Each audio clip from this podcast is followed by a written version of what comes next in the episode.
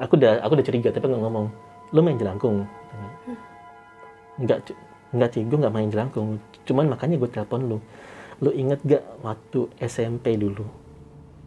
Kita pernah apa namanya lu pernah mergokin gua sama anak-anak main jelangkung. Apa namanya si Putri sama si Murni ini dia main jelangkung. Gitu. jadi setelah beberapa tahun setelah main itu ternyata si Murni dulu yang diikutin sama sosok jelangkung itu. Akhirnya dia datang ke rumahnya dan ternyata dapat kabar kalau si Murni ini udah meninggal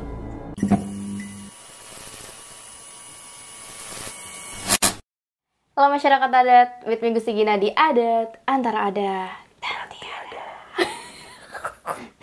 udah di briefing, udah di briefing. Tiadanya harus berbisik. Aduh, ini aku udah ditemenin sama Kak Dio. asik dipanggil kakak Dio, Dio, Dio, Dio Seta. Halo Kak, halo gimana kabarnya? alhamdulillah baik Sudah jauh-jauh dari Solo ke Jakarta. demi kak Gina loh. Duh, aku jadi ibu Bisa ya. Ini harus banyak viewsnya berarti udah jauh-jauh loh dari Solo loh ke Jakarta. Kadio ini kan aku mengenalnya, aku mengenal Kadio sebagai seorang penulis, kreator, Mm-mm. Inspirator, motivator. jangan ngomong begitu ntar aku ntar aku jadi motivator MLM loh. Tapi emang benar kakak kan penulis, kreator, menginspirasi juga pasti ya. Nah mungkin teman-teman di sini nih yang belum tahu Kadio, silahkan kak berkenalan dulu. Halo teman-teman, perkenalkan nama saya Dio Seta, bisa dipanggil Dio, tapi kalau misalnya mau manggil kakak aja, jangan dipanggil Om, ntar bawahnya saya pengen transfer. Om, Kok merinding? langsung. Minta transfer ya. Kan mau dipanggil om? Dan transfer udah kita panggil om aja dari sekarang ya. Kak Dio ini kan penulis. Nah mungkin teman-teman di sini pada banyak juga suka ngebaca tulisan horor terutama kalau mereka mau menikmati tulisan-tulisan kakak gimana caranya? Eh, follow aja, aku rumahnya sih di Twitter ya, di akun Twitter @dioseta. Itu kalian bisa baca, udah ada puluhan cerita di sana, mulai dari yang true story, mulai dari yang emang didramatisir maupun yang semi fiksi juga ada di sana. Silakan kalian nilai sendiri dan ada juga cerita-cerita menarik kalau misalnya update paling lengkap tuh di Karya Karsa sih. karya Karsa Sama saya baru nerbitin satu buku di Gagaspedia yang judulnya Gending Pencabut Nyawa. Gending pencabut nyawa, iya betul sekali. Kemarin warawiri di timeline aku, di Twitter, Instagram, dan juga di Karya Karsa. Bahkan dia ada video yang mentoring, iya kan? Yang mana? Di Karya Karsa ada. Oh, ada. Iya ada. Dibuka. Oh iya, soalnya aku nonton. oh, Gending pencabut nyawa. Oh, ini Mas Dio. Ah, iya. Nah begitulah, kalau kalian pengen ngikutin Mas Dio dengan karya-karyanya dia, dengan cerita-cerita horor, apalagi yang menginginkan cerita horor yang Terus begini, yang matanya. silakan langsung aja follow Mas Dio. Oke, sekarang udah banyak ngobrol. Mas Dio hari ini mau cerita apa di sini? Karena kita selalu haus akan cerita horor. Sebenarnya aku kalau misalnya cerita di YouTube tuh eh, agak bebannya di mana? Karena kebanyakan teman-teman kan mengharapkan cerita horor yang true story dan emang pernah terjadi ya.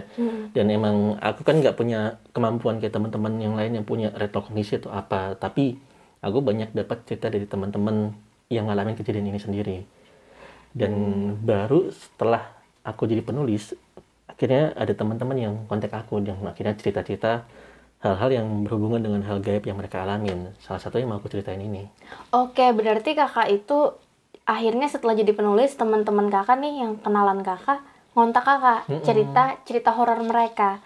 Yang nanti ceritanya mereka itu kakak tulis juga kah atau cuma jadi konsumsi pribadi gitu? belum tentu karena mereka kadang cerita itu bukan pengen ceritanya di share juga kadang juga ada yang minta tolong kalau misalnya tahu solusi kasus kayak gini tolong info ke aku gitu. Atau kalau misalnya eh, kalau kayak gini kira-kira aku ketemu siapa ya? Maksudnya harus ngapain? Itu mereka kayak wah Dio udah punya circle teman-teman yang tahu soal hal gaib nih. Siapa tuh dia tahu mengerti soal masalahku Oh iya benar. walaupun aku nggak punya aslinya nggak ada.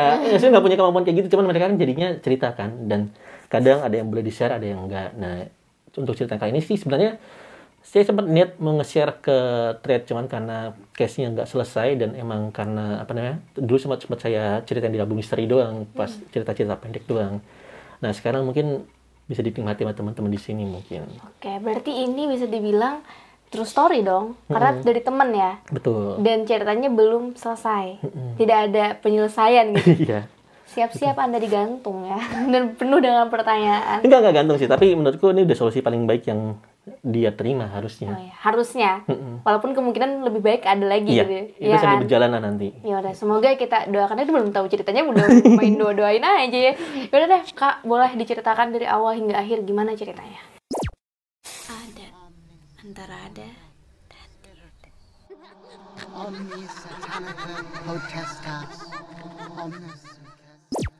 Oke, ini ceritanya berawal ketika eh, selang beberapa minggu setelah saya tampil di salah satu youtuber yang terkenal di Indonesia lah ya, dengan kontennya yang horor. Nah dia ngeliat saya, gitu. dia temanku ini sebut aja namanya Putri. Nah si Putri ini ngeliat saya di sana dan tiba-tiba nanya, Dio, kamu sekarang nulis horor, gitu.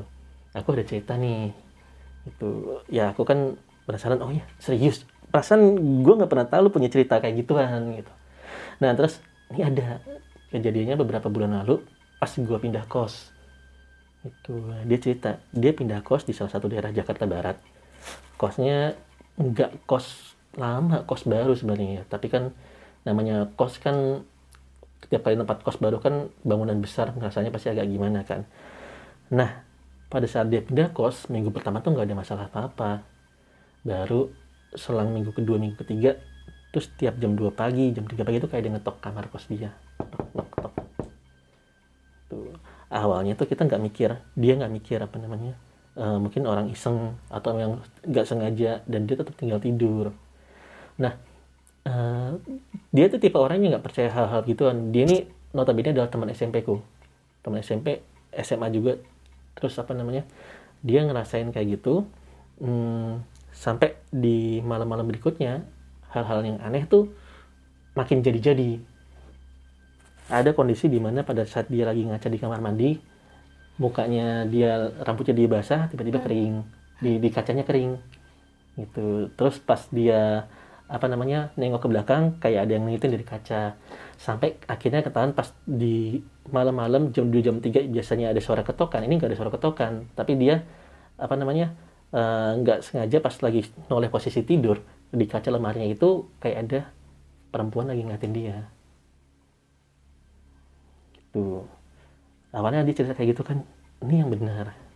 Nggak nggak dia ada ada yang gue rasain kayak gitu tapi ceritanya belum selesai. Dia kira kosnya itu ada masalah. Dia nanya-nanya lah sama apa namanya sama teman-temannya mungkin ngerti. Terus nggak ketemu jawaban apa apa wah omongannya kos lu lu pindah kamar. Lo ini dia nggak percaya dong.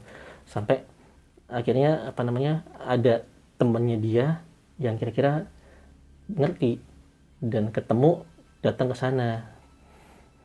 Terus entah apa yang dilakuin aku dia nggak jelasin secara detail ya. Sorry nggak bisa jelasin secara detail karena dia ceritanya le- lewat telepon aja.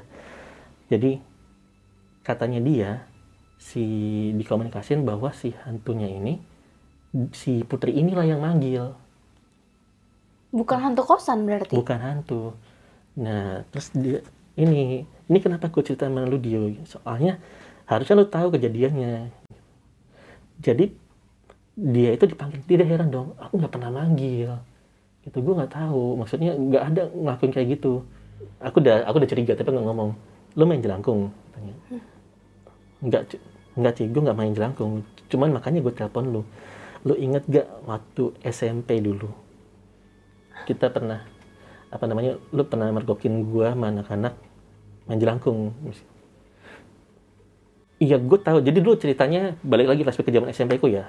SMP ku tuh salah satu eh, daerah Jakarta juga sempat pindah-pindah tapi aku yang ceritanya aku di Jakarta dan deket pasar juga. Nah di situ ada satu kejadian di mana kita lagi asik-asik eh, selesai pulang sekolah main sebentar dan aku ngeliat mereka. Ada empat orang yang main. Dua cowok dua cewek si Putri Murni yang aku ceritain dua orang ini aja. Soalnya aku nggak jadi main dua orang ini yang cowok si Putri sama si Murni ini. Apa nih si Putri sama si Murni ini dia main jelangkung. Jelangkung ini ya dia beli apa namanya eh, yang gayungnya pakai batok kelapa terus bawa baju bekas gitu. Tapi kan namanya anak-anak SMP apa namanya main jelangkung kan asal-asalan nggak pakai kemenyan nggak pakai apa gitu. Nah pada saat aku ngelihat ngapain itu? Waduh lo nggak usah ikut ikutan kita pengen cari tahu aja cari tahu apaan. Pokoknya cuman sekedar merogokin kayak gitu jam pulang sekolah aku main di lapangan dia lanjut gitu. Yang bikin itu jadi nggak serius adalah anak-anak SMP zaman dulu kan masih bocil-bocil ya nggak kayak anak SM, SMP zaman sekarang yang udah ter- terkombinasi sama ayam suntik ya. Nah itu tuh ya udah kayak hal biasa gitu. Ya sebenarnya eh, secara umum juga gue pernah tapi bukan main yang pakai kayak gituan. Pernah mainnya pakai pulpen yang pegangnya begini. Pernah juga mainnya pakai koin yang pakai angka itu juga kan. Dia dia nyobain pakai boneka kayak gitu kan bikin sendiri. Tapi tetap asal-asalan kan. Nggak pakai kemenyan terus nggak pakai sesajen nggak pakai apa. Dia ngelakuin itu. Dan emang nggak terjadi apa-apa.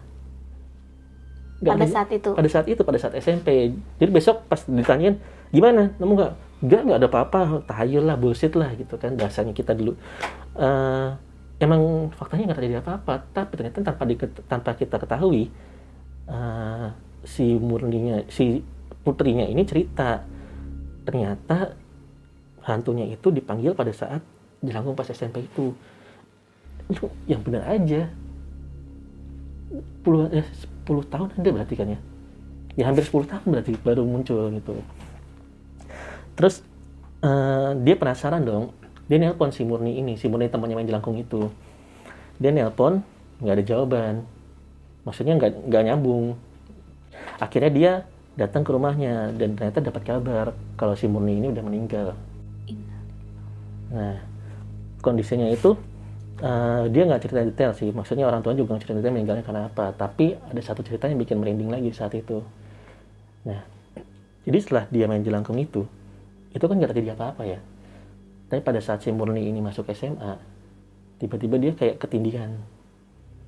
Ketindihan lagi tidur ketindihan rep-rep lah bahasanya kan. Itu kejadian pertama biasa. Tapi tiba-tiba berulang baru minggu kejadian lagi. Terus sampai berapa minggu lagi kejadian tiba-tiba dia kayak setengah kesurupan ngelirik aneh terus sadar lagi. Terus akhirnya si ini akhirnya si murninya ini ngomong ke orang tuanya kalau misalnya dia ngalamin kejadian kayak gitu dipanggilin lah Pak Kiai dipanggilin orang pinter gitu kan orang berapa kali berkali-kali. Nah ternyata dia diikutin sosok yang datangin si putri tadi. Gitu. jadi setelah beberapa tahun setelah main itu ternyata si Murni dulu yang diikutin sama sosok jelangkung itu. Nah apa namanya? Si Murni ini emang gak cerita karena satu takut temannya nggak percaya karena takutnya lo lu bullshit nyari perhatian atau gimana? Ya ala ala anak-anak zaman dulu kan agak nggak enakan. Terus kedua ya selain itu nggak mau bikin mereka khawatir juga. Jadi ternyata sampai dari SMA sampai si Murninya ini nggak ada hantu itu ngikutin dia terus. Itu entah tiba-tiba jadi kesurupan tiba-tiba jadi ketindihan sampai dibawa ke psikolog sampai dibawa tapi nggak pernah ketemu gimana masalahnya nah akhirnya si murninya ini eh si putrinya ini eh, dia juga nggak mau diem aja dong takut terjadi hal-hal yang sama. Tapi untungnya si putri ini baru ditambahin. Belum sampai kejadian yang kayak ketindihan belum sampai kejadian kayak kesurupan kayak si murni tadi. Akhirnya eh, dipanggil kiai orang pinter pokoknya berkali-kali sampai akhirnya ketemu satu orang yang benar-benar bisa jagain adalah eh, si putri ini nggak bisa lepas dari si sosok hantunya ini. Kenapa? Karena menurut dia kalau misalnya lu membalikin jelangkung, ya lu harus pakai media yang sama. Sedangkan medianya itu udah bertahun-tahun yang lalu zaman SMP. Itu alhasil si apa namanya Pak Kiai ini cuma bisa uh, manusia sama roh atau jin atau makhluk gaib itu emang hidup di alam yang berbeda emang sudah seharusnya kalian punya jarak yang bisa saya lakuin adalah memberi jarak untuk kalian tapi dia akan tetap ada di sini ngikutin kamu itu yang bisa aku pastikan dia nggak akan ganggu kamu nggak akan nyentuh kamu tapi dia akan tetap ada Otomatis masih tetap diikutin selama-lamanya dong. ya mungkin sampai ada solusi yang lain Solusi lainnya sih harusnya dipulangkan ya. Maksudnya kan Pulangkan. kalau permainan jelangkung yang kita tahu gitu, kan dia ada mantranya jelangkung, di sini ada pesta gitu-gitu kan. Nanti dipulangkan lagi dengan cara yang sama kan, Betul. begitu gitu. Habis dipanggil dipulangkan. Nah, kasusnya Putri ini nggak bisa mulangin karena harus pakai media yang sama. Mm-mm. Tapi di permainan jelangkung tuh ada jebakan. Ada mantra pemanggil jelangkung. Tahu nggak mantra pemulangin jelang, pulangin jelangkung? nggak tahu Nggak tahu kan? Ya, karena emang nggak ada. iya Eh, tapi aku pernah nonton film Jalangkung tuh iya sih ya. Ada mantranya aku lupa deh. Pernah nonton film Jalangkung nggak? Yang Je- Jeffrey Nicole sama Amanda nonton nggak yang kedua? Yang itu. itu dia balikin ya kalau nggak salah. Balikin kan kalau yang ketiga kan nggak ada nggak ada ritual jelangkung kan? Tapi mantra itu mantra di film masih dibuat karena emang Iya. aslinya mantra ya jelangkung pasti nggak kayak gitu kan? Karena man- mantra jelangkung yang disebutin itu tuh kan mantra pemanggil. Tapi nggak ada mantra buat iya iya ada. mantra pemulangnya nggak ada ya Mm-mm. terus gimana cara mulanginnya Gojek. ya Siapa tahu kan nanti jadi brand ambassador kan. iya gitu. benar-benar Mm-mm. Gojek Mm-mm. Tokopedia saya adalah pelanggan plus anda loh untuk mendapatkan free ongkir kok jadi malah promo sih Siapa tahu nanti tiba-tiba ada Anda ingin memulangkan jelangkung atau Anda ingin memulangkan drogain. Serahkan pada kami, serahkan hijau. pakai Gojek dan Tokopedia Gak bisa pasang mode horor gitu. nggak bisa tadi udah stabil horornya. Jadi pas diajak ngobrol balik lagi. Setengah mati tadi. Tapi emang tadi nggak bisa cerita detail kan emang aku juga diceritain iya ya. iya Gitu. aku mau nanya detailnya sih. Maksudnya kayak si murni murni ya tadi ya? Mm-mm. dia seganggu gimana gitu loh sosok hantu itu ke hidupnya dia selain apakah pernah mengalami kejadian tragedi dan apakah dia meninggalnya itu berkaitan dengan hal kayak gitu atau enggak? Itu mau nanya kayak pernah mau- aku nanya kayak gitu. Cuman si Putri langsung ngomong aku kalau nanya gitu nggak etis dong Dio iya gitu. sih orang tuanya apalagi udah nggak ada dan meninggalnya itu baru hitungan bulan. Jadi alasannya karena si Murni udah nggak ada nggak bisa ditempelin dia pindah ke si Putri. Dan mungkin kalau misalnya amit-amit nih Putri kenapa-napa nanti dia akan pindah ke teman dua orang lagi yang cowok itu. Eh tapi aku sumpah pernah main jelangkung keluar sekolah. Ayo udah dipulangin belum? Aku takut banget loh. Tapi aku mainnya pakai ini pakai pulpen. Mm-mm. pakai terusnya dia kan lebih niat ya pakai batok Hmm. kelapa. Kayak aman lah ya. Iya sih? Aman gak sih nggak bakal ada setan nempel nggak bakal kalau pakai pulpen yang gimana dipegang ujungnya atau yang di bagian gini Enggak di ini diikat pakai karet dulu tuh Oh. sama teman-teman. Ingat banget main-main kan zaman dulu waktu aku SD SMP kan sempat heboh jelangkung kan. Jadi kayak udah main-main aja kita. SD kalian kan lebih tua kan pada aku Iya, kan. mungkin pada saat itu juga. Iya, kayaknya di tahun yang sama karena saat itu tuh emang booming banget dan Booming, kita bener. lagi rame jelangkung gitu. Ya emang istilahnya aku juga nggak nggak ini sih. Aku satu baca jelangkung jelangkung katanya bisa main pakai pulpen. Tapi pulpen. pakai berapa orang megang pakai gini nih gitu loh. Jadi pulpennya Oh. dipegangnya begini. Cuman kan bisa ketahuan orang bisa curang kan bisa gerakin Iya, kan iya, iya, gitu. iya. dia emang nggak gerak dan akhirnya nggak jalan kan. Terus sempat baca di buku bahasa Jepang juga tentang permainan yang pakai koin namanya kokurisan. Mm-mm. gitu kan. Coba juga pakai koin kasih huruf A sampai Z gitu yang nggak nggak ini juga Enggak juga ya. Nah dia juga nyobain pakai yang ya udah cobain yang kayak gini, aku nggak ikutan. Cobain pakai yang batok Batok kelapa. Nggak kenapa-napa juga gitu kan. Oh ya udah, berarti cuma permainan-permainan iseng doang kan. Nggak nyangka ibaratnya ke situ. Tapi kalau misalnya menurut teoriku juga Mm-mm. itu belum tentu adalah sosok yang dipanggil. Belum tentu. Bisa aja ada yang jin yang manfaatin momen itu Oh, untuk ya I itu see. ngaku-ngaku. Tapi sebenarnya kalau misalnya si Putri ini sempat bikin kata-kata yang bikin tenang, apa namanya? Dari Pak Kiai yang bantuin aku juga bilang, katanya gini Mas Dio, eh, sosok-sosok jin, sosok-sosok roh-roh seperti itu biasanya bisa nyerang kalau misalnya mentalnya kita lagi lemah, mental dan fisiknya lemah. gitu. Jadi kalau misalnya kita lagi down, munculan mereka akan bikin kita semakin down, itu yang bikin berimbas ke hal-hal fisik kan, Iya sih benar. gitu. karena secara ngomongin keilmuan nih secara psikologi pun kan sebenarnya manusia itu pernah dengar nggak? Kita tuh mengeluarkan energi namanya vibrasi gitu. Jadi kalau dan mau positif atau negatifnya itu berdasarkan emosional kita. Ketika kita lagi down itu kan pasti yang mendominasi emosionalnya yang negatif kayak sedih frustasi, stres, otomatis negatif vibes gitu loh. Betul. Vibrasi yang dikeluarkan tubuh kita itu juga negatif dan itu akan berdampak pada sekitar dan mungkin ya jin-jin kayak gitu memiliki uh, apa namanya energi negatif juga dan akhirnya nyambung gitu kan. Besti. Besti, besti. Malah jadi bercanda. Tapi Putri nggak mungkin bestian kan sama dia. yang enggak jangan lah, jangan sampai lah. Terus Putri ada rinciin nggak sosok perempuan itu kan cuma dibilang sosok perempuan gitu doang. Maksudnya secara tampilan tuh kayak gimana? Apakah seperti kuntilanak atau punya penampilan yang spesifik gitu? Dia ceritanya cuman dia ngelihatnya kan cuman bisa dari cermin kan. Mm-mm. Lihat di cermin cuman perempuan perempuan perempuan rambut panjang, bajunya cuman kaos sama celana pendek biasa, cuman ala-ala orang desa gitu. Tapi mukanya pucat, udah gitu doang. Nggak sosok kayak kuntilanak, nggak sosok kayak seram gitu, tapi kayak sosok kayak Iya, aku merinding loh. ya kayak orang biasa Mm-mm. yang emang nggak sengaja kepanggil. Ya, ya, ya, berarti kayak arwah penasaran aja gitu ya. Maksudnya Hmm. bukan berbentuk kuntilanak dan lain-lain. Tapi serem loh kayak gitu loh. Walaupun dia sepertinya anak gaul sih sama masa hidup. ya celana pendek, baju kaos gitu. Itu eh, pas aku ngobrol juga aku agak nyaut apa nyangkut nyangkutin sama hal-hal mitos horor di sekolah dulu. Ya gi- gimana gimana kalau di Nah. sekolah ada cerita juga. Jadi itu jangan-jangan apa kan kita sering ngomongin kan di sekolah kita itu kan ada kayak sebelumnya pernah ada anak perempuan yang meninggal bunuh diri di situ. God. Ini ini for real. Nah, itu Kasusnya beneran. kasusnya aku nggak tahu tapi itu omongan perbincangan pada saat aku Oh. SMP dulu. Oh iya iya oke dulu oke. ada isu anak yang bunuh diri di sini.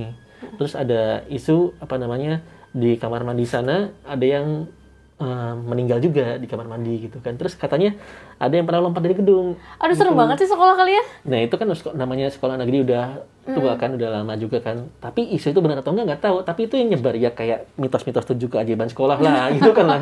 Terus ada yang bilang juga apa namanya eh, di ruangan ini suka ada yang muncul apa, di ruangan ini suka ada yang melayang-layang apa gitu.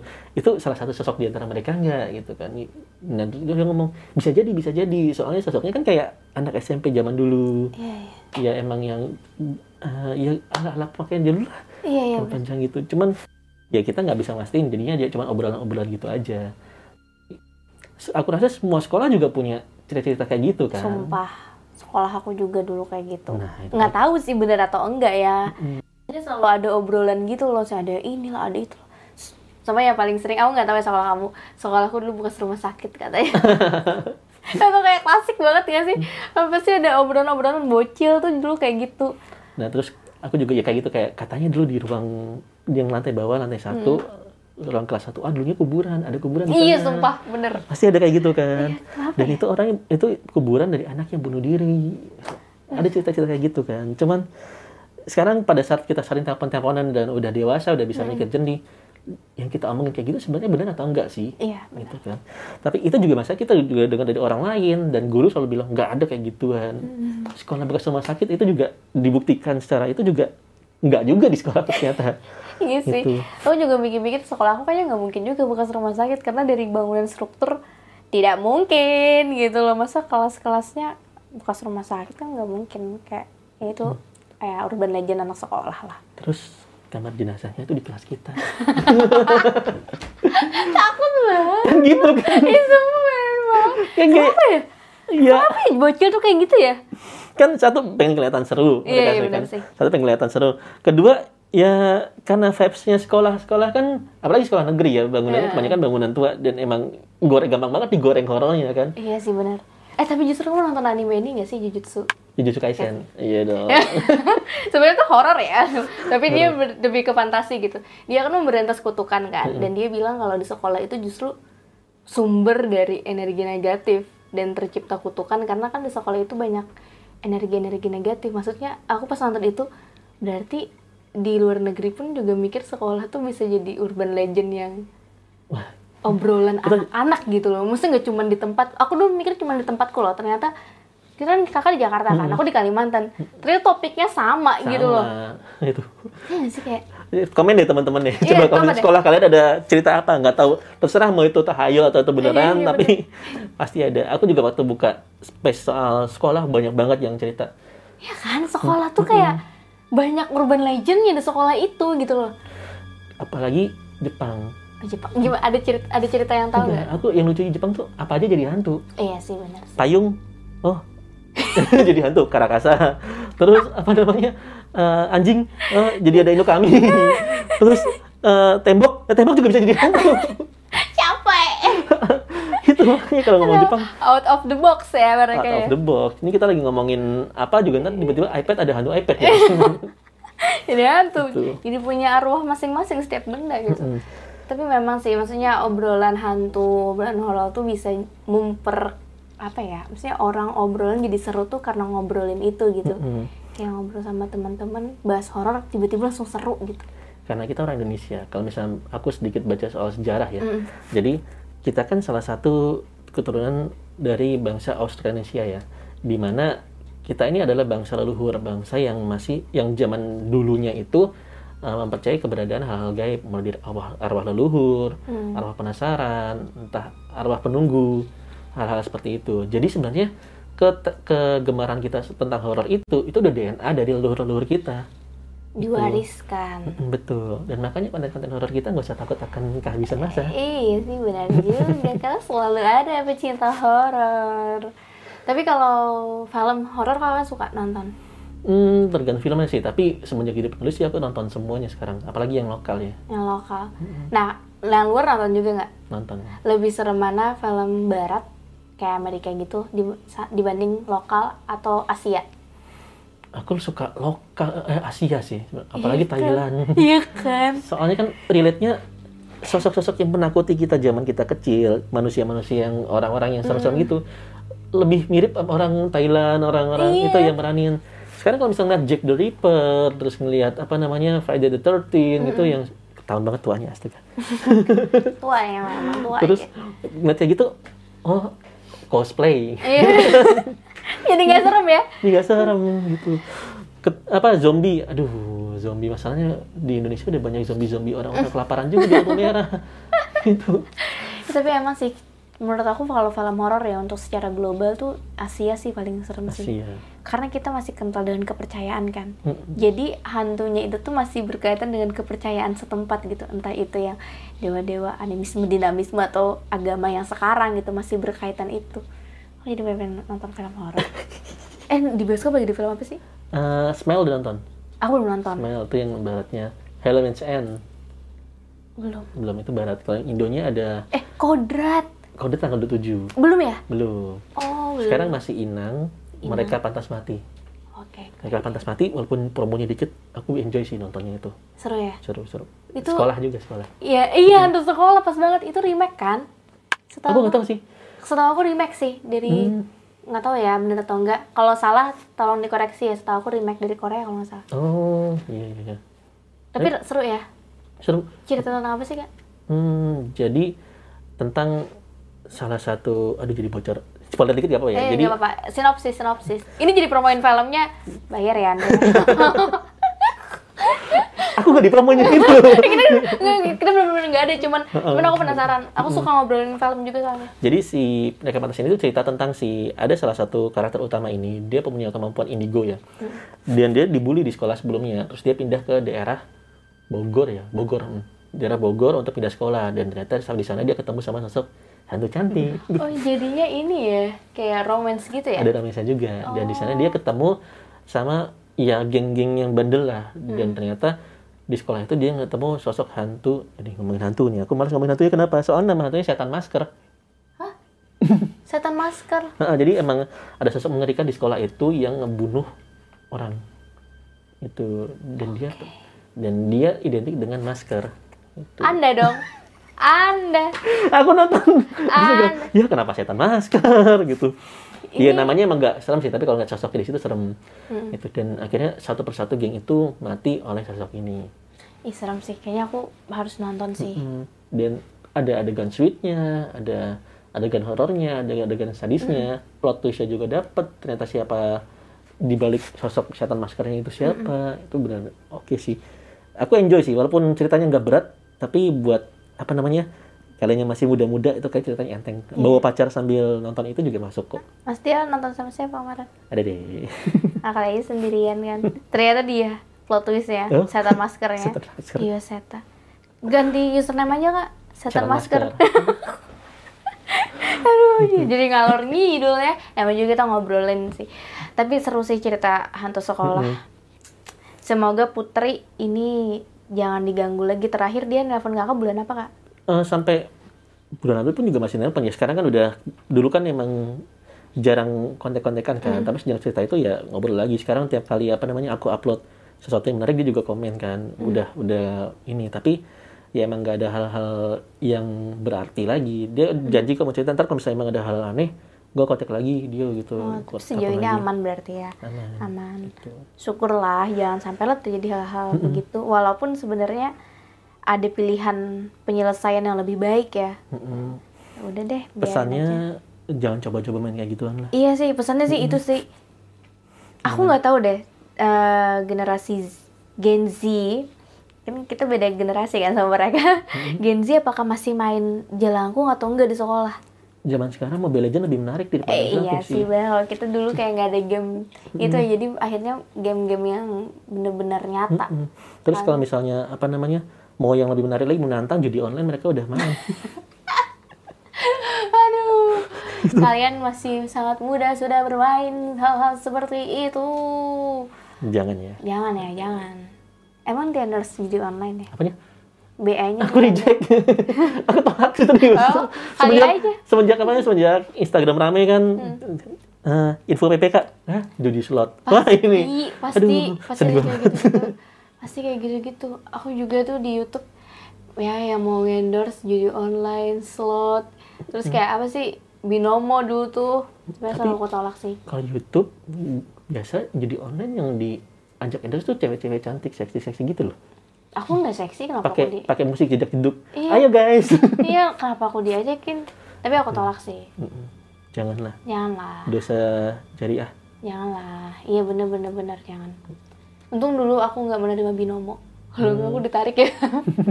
Baik sekali. Tapi memang begitulah dunia ini. Oke deh thank you banget ya kak ceritanya.